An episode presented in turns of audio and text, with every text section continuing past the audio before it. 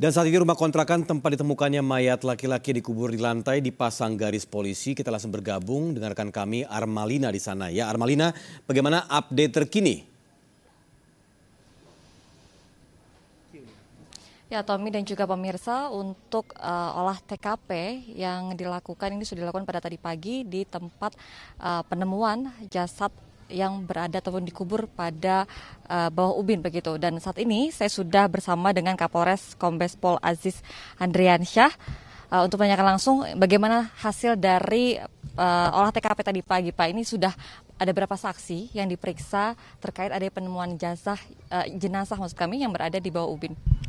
Ya, jadi semenjak kemarin ditemukan ya semalam kita langsung memeriksa tiga saksi di antaranya adalah uh, suami istri memilih kontrakan dan kemudian salah satu saksi tetangga.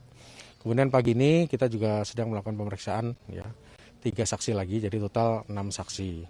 Kemudian dari hasil olah TKP kita menemukan beberapa hal di antaranya yang ada pada diri jenazah itu baju, kemudian celana ya. Kemudian kita juga menemukan di sekitar uh, jenazah ditemukan di antaranya adalah ubin yang berbeda dari ubin yang lain, kemudian ada galian tanah, kemudian kita juga menemukan galian tanah yang dibuang tidak seharusnya yaitu di plafon, di plafon rumah. Kemudian dari jenazah tersebut kita kirim ke rumah sakit untuk dilaksanakan otopsi sekaligus kita mencari identitas dari uh, korban tersebut. Uh, untuk sementara uh, hal yang ditemukan oleh petugas olah TKP di luar dari keterangan dari visum nanti ya secara resmi. Sementara ada temuan tanda-tanda kekerasan ya di antaranya ada lebam di sekitar dada dan juga giginya uh, rontok ya diduga rontok ya. Nah, dari temuan ini kita menyimpulkan bahwa benar ini uh, tindak pidana. Maka kita segera melakukan langkah-langkah untuk penyelidikan dan pengungkapan tidak pidana. Pak, identitas jenazah ini uh, seorang laki-laki sekitar umur berapa, Pak? Ya, uh, jelas ini laki-laki ya, karena ditemukan tadi oleh tim beberapa ciri-ciri uh, sudah kita catat dan kita sebarluaskan juga untuk mengetahui identitas. Kemudian untuk umur perkiraan sekitar umur 30-an ya. Nah, ini terkait pelaku yang sampai saat ini masih dilakukan penyelidikan, Pak. Ini apakah ada hubungan dengan uh, so, uh, dua orang yang mengontrak di kontrakan ini sebelumnya, namun saat ini sudah tidak berada di lokasi begitu, Pak? Ya patut diduga ya, karena uh, itu yang terdekat dari peristiwa yang terjadi. Ya itu harus menjadi objek dalam penyelidikan.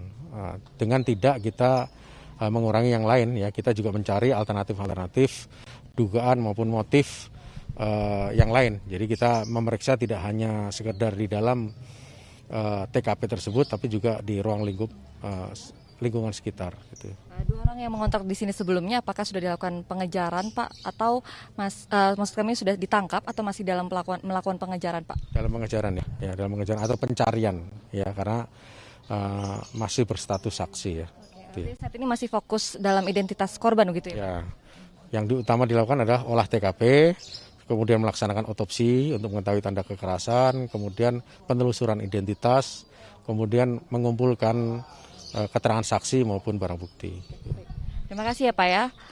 Ya Tommy dan juga pemirsa sampai saat ini memang masih dalam proses uh, penyidikan terkait uh, identitas korban lalu juga masih pengejaran pelaku begitu dan untuk di sekitar lokasi ini juga sudah diberikan garis kuning polisi sehingga warga di sekitar ini sudah tidak boleh mendekat, mendekat ke sekitar lokasi. Tommy.